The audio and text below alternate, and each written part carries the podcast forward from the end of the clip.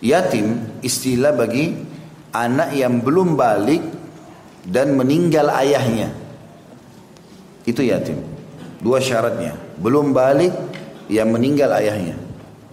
Jadi kalau meninggal ibunya nggak dikatakan yatim. Atau kalau sudah balik sudah nggak dikatakan lagi yatim. Jadi jangan kakek-kakek nenek-nenek ngaku yatim.